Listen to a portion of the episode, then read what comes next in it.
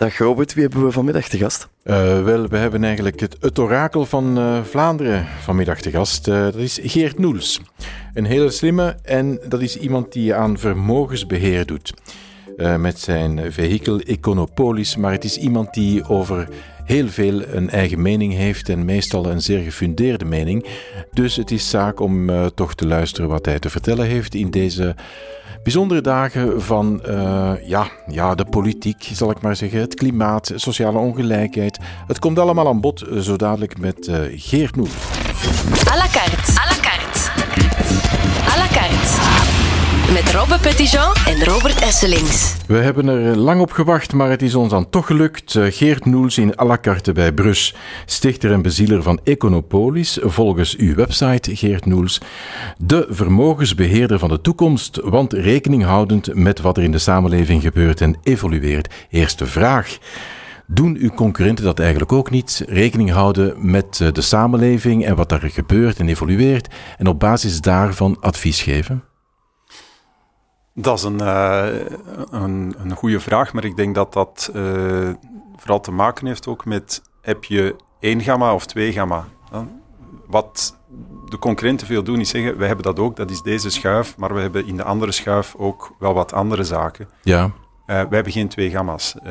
wat wij doen is allemaal doordacht in de zin van naar duurzaamheid en ethiek. ik ben dit begonnen na de financiële crisis en ik wil hebben dat het geld goed besteed wordt in de goede richting. En dan is er geen uh, twee soorten. Het is zoals uh, in, de, in de voeding of zo, gezonde voeding. Dan zeg je niet, ja, ik heb voor degenen die gezonde voeding willen een, een rek en dan de anderen mogen uh, de rest van de supermarkt gaan uitzoeken. Um, dus dat is een keuze. Ja, het is eigenlijk niet zo dat wie bij u komt zijn geld ten allen prijzen tot in de wolken zal zien stijgen. Maar het, uh, het hoeft niet ten koste te gaan van rendement. Dat is een misvatting. Uh, net zoals uh, mensen, je hebt nu bijvoorbeeld de, degenen die vegan zijn. wel, wat blijkt is dat heel veel van die keuzes van dieet niet ten koste hoeft gaan van uw gezondheid of zelfs van uw sportieve prestaties.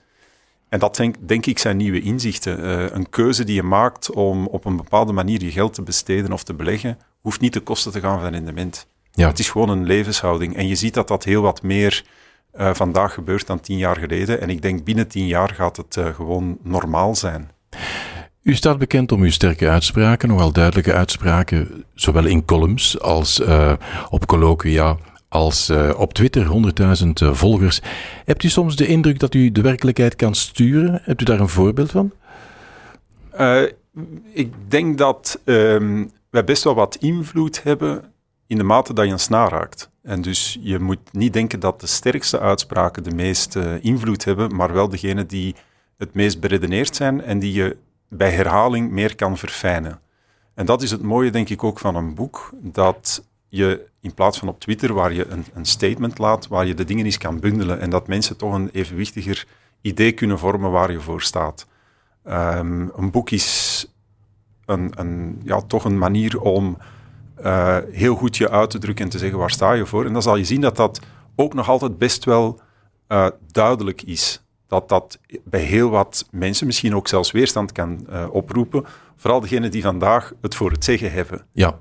En dus in dat opzicht, um, ja, je hebt veel volgers, maar je hebt ook veel tegenstanders. Ja, u is de luis in de pels eigenlijk meer. Voor een aantal zaken ben ik zeker de luis in de pels. Uh, sommigen zullen zeggen, ja, je, door wat je doet en, en uh, je, je bent een deel van het establishment. In de praktijk is dat toch niet waar. Um, behoor ik tot geen enkele groep. Ik heb ook geen enkele eretitel. Ik heb telkens ook al die titels geweigerd om onafhankelijk te kunnen blijven. Ja, u is wel bestuurder van de Koninklijke Schenking. Ja, dat klopt. Uh, eigenlijk in de praktijk uh, geeft u de koning raad wat hij moet doen met zijn geld en zijn goederen. Nee, ik denk grenzen? dat je de, de, koninklijke schenking niet goed uh, kent. De koninklijke schenking is in feite een heel eigenaardige organisatie die behoort tot de bevolking. Dus het is een schenking aan de bevolking. Ik beheer het geld of de domeinen voor de bevolking, dat die bewaard kunnen blijven. En de opbrengsten daarvan worden voor een stuk gebruikt om uh, die domeinen, uh, een aantal van die domeinen of uh, woningen ook ja, bewoonbaar te kunnen houden voor de koninklijke familie. Ja, Maar het is niet het geld van de koning. Het is net geschonken destijds door eh, Leopold II aan de bevolking. wel aan. Geert Noels zit eh, bij ons in de studio, bracht onlangs het boek Gigantisme uit, een diagnose van onze ontspoorde economie. Ja, in uw boek eh, Gigantisme wijst u vooral op de gevaren van mastodontbedrijven. Al wat mega is, is te mijden, zegt u. Liever trager, kleiner, menselijker. Dat is een mooie samenvatting, trouwens niet alleen voor eh, ondernemingen, maar ik merk dat eh, gigantisme ook eh, bij scholen eh, begint voor te komen, dus grotere groepen, grotere scholen. En dat heeft effecten op de mens. hè. Dus die grote scholen, ehm, daar heb je meer problemen van bijvoorbeeld pesterij, wat dan op zich weer een belangrijke oorzaak is van eh suïcide. Dus ik denk dat ehm, ja, het heel belangrijk is om na te denken of dat de schaalgrootte niet te ver gaat. En hoe groter de schaal, hoe minder de mens nog een plaats heeft in die organisatie. Of het een bedrijf is, een school, een, eh, een ziekenhuis. Eh, je merkt ook dat in die grote organisaties de werknemers zelf ook ongelukkiger zijn. Ja, Dus dat burn-out en dergelijke ook veel meer voorkomt in die eh, gigantische organisaties. u schetst ook eh, de paar steden van de toekomst eh, in Afrika. 88 miljoen, Lagos en zo, Kinshasa. Nu, in Brussel valt het nog mee, hè? 1,3 miljoen. Is het nog te, te redden, zal ik maar zeggen, hier, vindt u? Wel, ehm, wat je bijvoorbeeld merkt, en dat is eh, denk ik voor de, de Brusselaar een interessante passage, dat je keuze moet maken. hè. New York bijvoorbeeld heeft ervoor gekozen om geen Walmart toe te laten. Dat is een weinig gekend gegeven. Grote eh, Grote winkelketen. ja. En de reden is dat ehm, het toelaten van dergelijke eh, organisaties maakt dat de diversiteit vermindert. Goed, het staat uitgebreid in het boek. Maar dat gegeven is denk ik belangrijk, dat New York is geen monoliet. Het is een heel diverse stad. Heel veel verschillende wijken, heel veel verschillende smaken, heel ehm, aparte eh, winkels en, en iedereen vindt daar zijn, zijn trek. Het is zeker geen eh, one fits all. Ja, terwijl overal hier de trend is van de grote, grote ketens eh, in de Nieuwstraat en zo verder enzovoort. Dat zijn niet de kleine winkeltjes waar men eigenlijk eh, graag of liever zou willen winkelen. Is- Dat plus de wijken. Hè. Ik denk het, het, het fantastische aan een stad is dat eh, je telkens die stad herontdekt in verschillende wijken. Ehm, ik ken Brussel niet zo goed. Hè. Ik heb er twintig jaar gewerkt, eh, maar ik heb niet alles geleerd over Brussel. Maar ik heb daar al gemerkt dat er enorm veel diversiteit is. En het is die diversiteit die je moet koesteren. Ja. Het gaat niet over het aantal inwoners. Het gaat over wat heb je te bieden. Hoe, eh, vers- hoeveel verschillende dingen kan je aanbieden. En dat maakt de rijkdom van een stad. Een beetje zoals Montreal eigenlijk. Dat is ook een zeer uitgebreide stad met eh, veel inwoners, maar met heel veel verscheiden wijken. Eh, Ja, dus dat ik ben moeten we ook een fan van. Montreal. Ik denk Ja, ik om zag redenen. ik dacht, eh, ja, mijn dochter heeft er gestudeerd. We zijn er verschillende keren geweest. Ja, Ehm, en ook die, die, de rijkdom natuurlijk van de verschillende talen. Ehm, en dus in de mate dat je eenheidsworst begint te geloven dat dat de toekomst is, denk ik dat we verliezen. Want dat is ook mijn kritiek op Europa. Eh, proberen te imiteren de Verenigde Staten van Europa, zoals Amerika, dat is een verlies. Ik denk de diversiteit is onze grote rijkdom. ja. U waarschuwt ook veel voor eh, sociale ongelijkheid in de wereld en in de samenleving. Ook voor het klimaat dat eh, stilaan naar de knoppen gaat, om het zo te zeggen. U zegt, let op met dat klimaat. Eh, u schrijft als in tweet, het klimaat is niet prioritair voor de Belgische en de Vlaamse regeringen. U noemt dat een strategische fout. Dat, dat is ook zo. Hè. Ik heb ehm, in EconoShock eh, een uitgebreid hoofdstuk eh, over klimaat. En dat is toen niet veel aan, aan, het, eh, aan bod gekomen, omdat er natuurlijk de financiële crisis was en daar ging het vooral over.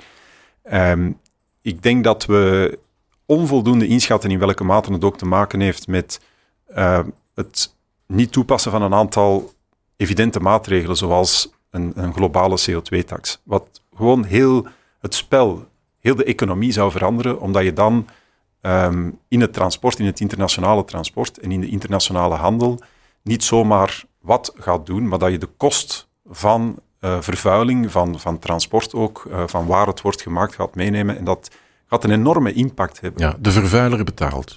De vervuiler betaalt, maar het geeft ook een enorme impuls terug aan lokale productie. Als het lokaal efficiënter ook voor het klimaat kan gebeuren, dan is dat een factor.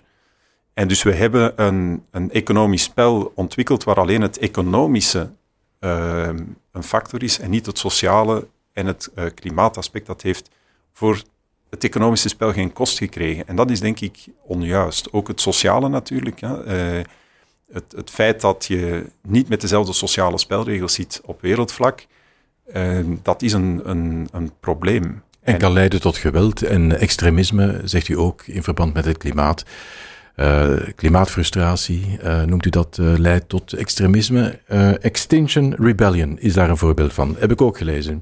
Ja, ik denk dat waar ik voor sta is, um, en dat is als je de vorige minuut luistert, dan zeg je ja, die, die Noel, dat is een, een extreem linkse.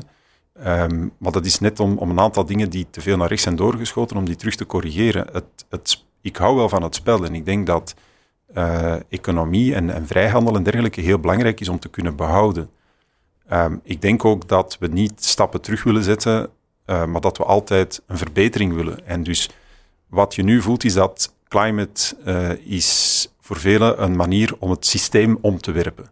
En dat denk ik, is er is geen meerderheid voor te vinden, dus dat wens ik ook niet. Maar Extinction Rebellion wil dat duidelijk wel. Die wil het systeem omwerpen. En dan stopt het voor mij. Ja, je hebt het gehoord. Het gigantisme is aan het uh, doordringen in onze maatschappij. We moeten in Brussel keuzes maken voor de hele stad er hetzelfde uitziet. Eenheidsworst, dat is nogal vaal en beige van kleur, daar willen we niet naartoe. Ja, Geert Noels, over politiek gesproken. De opdracht van de preformateurs is weer opgeborgen. We staan weer even ver als op 27 mei, zegt iedereen, daags na de verkiezingen. En velen vragen zich af, gaat er nog iets van komen? Dat is een uh, goede vraag en helaas heb ik daar niet het antwoord op. Ik denk dat um, het Belgische systeem aan het vastlopen is. Dat een, na een verkiezing het vrij logisch moet zijn dat uh, op welke manier een regering wordt gevormd en dat er ook een soort stimulans is om dat te doen. En dat voel je, dat is er niet. En nee. dan kan je niet alle politici verwijten, het is ook het systeem dat het niet erg aanmoedigt. Daarom ben ik nogal fan van het Zwitserse systeem, omdat zij dezelfde weg zijn uh, opgelopen als wij, maar al heel lang geleden. Ja, een afspiegelingsmeerderheden. Uh, bijvoorbeeld minder ja. personencultus, afspiegelingsregering, beperkt aantal bevoegdheden, maar heel duidelijk geconcentreerd op federaal niveau. waardoor dat, zelfs als de mensen elkaar niet graag hebben, om het zo te zeggen, of een verschillend programma, dat ze zeggen, ja, maar we moeten die doen, want we, we hebben die verantwoordelijkheid gekregen eigenlijk het confederalisme? Wel, is dat confederalisme of is dat in, voor een stuk ook meer federalisme terug? Hè? Dat zijn uh, geladen uh, benamingen. Is uh, Zwitserland geen goed functionerend land? Ik denk het wel. Heeft ook verschillende talen, verschillende steden. Toch wel wat competitie tussen hen. en het werkt en men is vier op de vlag. Men heeft een goede manier gevonden om samen te werken. En daar zitten denk ik een aantal lessen voor België in. Dus ik vind dat een, ja, en zeker nu, nu het systeem vastloopt, dat we ons moeten inspireren door modellen die goed werken. Ja, want er heerst natuurlijk op dit moment een grote onverschilligheid bij iedereen, ook in Brussel, van, och ja, of ze nu bezig zijn of niet, het maakt ons weinig uit. Ja, weinig uit. 11 miljard uh, staatsschuld is natuurlijk een pak. Dat is zo. En de, begroting is één ding, uh, het klimaat uh, vereist ook een aanpak, energievraagstuk. Hè. Kijk, als we geen investeringen doen, dan uh, gaat het licht en de, warmte op een zeker moment verdwijnen. Dus ehm, je hebt mobiliteit, wat, wat, denk ik voor de Brusselaar, maar voor iedereen ook een belangrijke uitdaging is. En dat niet allemaal regionaal kan geregeld worden, waar ook federaal afspraken moeten over komen. Dus ehm, we hebben van vorige, zou zeggen, regeringsarme periodes geleerd of gedacht dat zonder een regering dat we wel verder kunnen en dat is een grote vergissing. Ja. Uh, dus, maar het komt omdat er geen druk op zit om, en ook geen excuus hè, om samen te werken. Nee, Dan ga je de verschillen ja. uitvergroten in plaats van te zeggen, oké, okay, we zijn wel verschillen, maar rond die thema's kunnen we wel een vergelijk vinden. Hebt u ooit een job aangeboden gekregen in de politiek? Ja, um, en ook zowat van alle mogelijke kleuren. En om eerlijk te zijn, zoals het systeem nu gevormd is, moet je niet denken als toeschouwer dat je het zelf beter zou kunnen doen. Nee. Dus uh, ik heb niet de pretentie om te denken dat uh, ik als, als stuurlui aan de wal het beter zou doen dan de mensen die nu op het schip zitten. het systeem zelf moet een stuk hervormd worden, zodanig dat je daar goed kan werken. Ja, maar stel nu dat u zou mogen kiezen in een systeem dat werkt. Uh, zou u gaan voor premier, minister van Financiën, voorzitter van de Europese Bank of de gouverneur van de Nationale Bank? het liefste zou ik klimaat doen, uh, om eerlijk te zijn. Um, de andere dingen, dat, je denkt dat dat uh, bij mij hoort, maar in feite is klimaat hetgeen dat ik het liefste zou doen. Um, maar uh, goed, als je dan de premierfunctie aanbiedt, dan ga ik die ook niet laten liggen natuurlijk. Ja. À la carte. Ja? Nee. Ja, de ja-nee-vragen. Altijd leuk om horen. Vooral de antwoorden dan, uh, Geert Noels. Hier gaan we. Het ergste wat een democratie kan overkomen is la pensée unique in de media en de politiek. Ja. Wie niks van de beurs kent, blijft beter weg. Nee. Vastgoed is de enige echte haven. Nee. Legt u zelf wel? Ja. En nu, stel, een koppel van 30 verdient elk 2000 euro netto per maand. Hoeveel mogen ze lenen? Oei, dat is een. Uh, en voor wat, hè? Want. Uh, voor, een, voor een huis, uh, een woning, um, appartement, studiootje. Dat is een. dat is een wiskundige vraag. Een wiskundige misschien. vraag. Ja. Nu, per maand denk ik dat ze wel 800 euro kunnen aflossen. en daarvan is een stuk rente, maar dat, dat stukje rente is heel weinig geworden. Maar uh, een jong koppel kan, kan best wel wat lenen als het voor de juiste dingen is. En ja. dan denk ik dat een huis altijd wel zin heeft, maar dat wij van de oude generatie zijn en dat het ook zin heeft om soms bij te scholen en, en ook misschien daarvoor is een centje te lenen. Als je zegt, ik ga uh, een bijkomende opleiding doen en uw ouders wensen dat niet meer te financieren, um, ja, dat, dat heeft zin. Dat zijn investeringen die enorm renderen. Ja. Investeringen in jezelf. Mm -hmm. Stel, een koppel van 60 mm -hmm. uh, heeft een spaarboek van 100.000 euro. Wat doen ze daarmee het beste? Dat is vandaag heel moeilijk, want normaal zou je dan uh, geen risico meer nemen of heel weinig. En zou je met een, uh, een spaarboekje of een kasbon um, een cadeautje kunnen kopen voor je kleinkinderen. Dat is vandaag heel moeilijk geworden. Dus dat is een bijna onmogelijke vraag geworden. ik vrees dat zij geduwd worden om risico te nemen. En dat vind ik ehm, niet helemaal rechtvaardig. Nee, want? Het contract is verbroken de, het contract was dat uh, oude mensen die een appeltje voor de dorst opzij hadden gelegd, minimum de inflatie zouden kunnen terugverdienen met rente. En dat contract hebben we verbroken. En er is een heel generatie oudere mensen aan het verarmen en die zijn te trots om dat te zeggen. En die weten ook niet misschien dat hun contract verbroken is en dat, uh, ja, daar word ik opstandig van. Ja. Er is ook een vraag binnengekomen van Wouter Brakkeneem. Die zegt: uh, Geert Noels moet ophouden met Vlaanderen altijd op te hemelen. Want neem nu bijvoorbeeld Antwerpen en Brussel. Eigenlijk een vergelijkbare situatie wat het, uh, de werkloosheid betreft. 12,5% ginder, 13,5% hier. Dus uh, ja, het verdient een betere analyse van de Vlaamse steden dan tot nog toe werd voorgehouden. Ik heb geen analyse gemaakt tussen Antwerpen en Brussel en ik heb ook niet uh, Vlaanderen opgehemeld en, en, en Brussel gebashed. Dit gezegd zijnde is de taille natuurlijk ook compleet anders. Hè. Brussel is, is veel groter dan uh, het gedeelte dat nu wordt uitgelicht, want als je Antwerpen agglomeratie neemt, dan is de werkloosheid veel lager. Maar de grootstedelijke problematiek in Antwerpen en Brussel bestaat. Hè. Ik ga dat niet uh, ontkennen. Brussel is een, een, veel grotere uitdaging, omdat het een veel grotere taille is. En ik denk uh, dat een van de, de, steunpilaren die ontbreekt in Brussel is een goed onderwijs. En dus um, ik hoor wel de premier zeggen jobs, jobs, jobs. Maar dat is in feite het gevolg. Ik zou meer willen horen onderwijs, onderwijs, onderwijs. En dat is uh, duidelijk beter op dit moment in, in Vlaanderen ja. dan in Wallonië. Mm. Um, dat is niet mijn, mijn judgment, dat is gewoon de, de cijfers, de, de PISA zoals het noemt, de, de, de OESO die dat zegt. Ja. En ik denk dat daar echt een inhaaloperatie moet komen om te zorgen dat het onderwijs, overal waar je het volgt in België, op een zeer hoog niveau staat.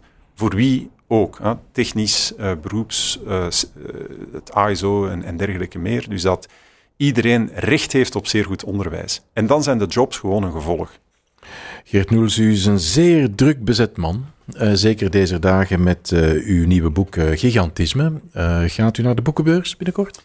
Overmorgenavond spreek ik op de boekenbeurs, maar daar blijft het bij. Ah, dus even in-out en signeren, neem ik aan. Ik weet niet of dat er een signeersessie is. Ik vind het contact met lezers interessant. Het signeren vind ik een beetje freaky. Dat is niet echt iets voor mij. maar wat gaat u vandaag nog doen als u hier buiten stapt? Uh, ja, ik heb nog een uh, klantenafspraak in Brussel. Um, dan uh, ga ik naar Antwerpen. Daar heb ik nog een aantal afspraken. En vanavond spreek ik in mijn dorp, Randst, over het boek voor een, een vijftigtal mensen. Er komt geen einde aan. iedereen is geïnteresseerd. Het is toch wel bijzonder eigenlijk voor een materie die relatief hermetisch zou kunnen zijn. Het komt omdat het geen economisch boek is. Het gaat over veel meer dan dat. Het heeft uh, maatschappelijk iets, filosofisch. Iedereen kan erover mee nadenken. Het begint ook met het spel Monopoly.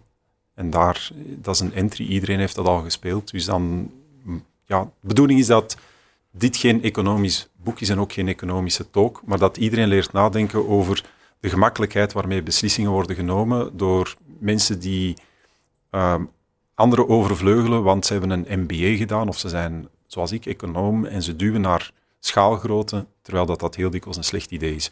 Voor een zorginstelling, voor een bibliotheek, voor een administratie, maar ook voor bedrijven. Ehm, je moet ook leren wat nadenken rond de geborgenheid die iedereen wil als klant, als medewerker. Ehm, en, en dat, het, het, menselijke aspect wordt heel veel vergeten in onze economie. Ja, u leidt zelf een eh, bedrijf eh, van 26 eh, man of 24 man.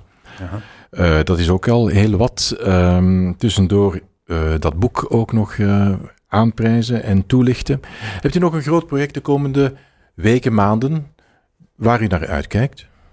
Ik probeer elke week iets te plannen waar ik naar kan uitkijken. En naar dit bijvoorbeeld kijk ik uit. Oh, dat is vriendelijk. Ja, omdat um, dat is een stukje altijd een avontuur. Er zijn dingen die je weet hoe dat het gaat eindigen, en dan zijn er dingen waar je het niet weet hoe dat het gaat eindigen. En dus probeer gewoon elke week iets te doen waar ik naar kan uitkijken. Um, maar grote plannen, uh, nee. Dat klinkt misschien uh, wat eigenaardig. Um, maar elke dag gewoon proberen iets te doen en elke week iets voor naar uit te kijken. Uh, het boek, ik heb er ook maar twee geschreven om de tien jaar. Hè. Het is mhm. niet dat ik elke week een boek produceer of zoiets. Dat is voor mij een uitzonderlijk project waar ik jaren aan werk. En vijf jaar heb ik eraan gewerkt. En, ja, en ik zou zeggen, uh, om te besluiten, want de tijd is om. Uh, wat dit betreft, dit gesprek, uh, is het meegevallen voor u? Ja, nee? We hebben vijf minuten gesproken. Hè? Uh, Blokjes van vijf minuten. Wel, wat ik wil zeggen is, het, het, het, ik heb het idee dat dit heel snel is voorbijgegaan. Dat is altijd een goed, goede indicatie dat het leuk voor mij is geweest. Um, en ik hoop ook leuk voor de luisteraar. Wederzijds. Ik heb ook nog iets uh, om morgen naar uit te kijken, want dan zit uh, patissier Herman van Dender in de studio. Hij is met zijn pralines bekend tot in Japan.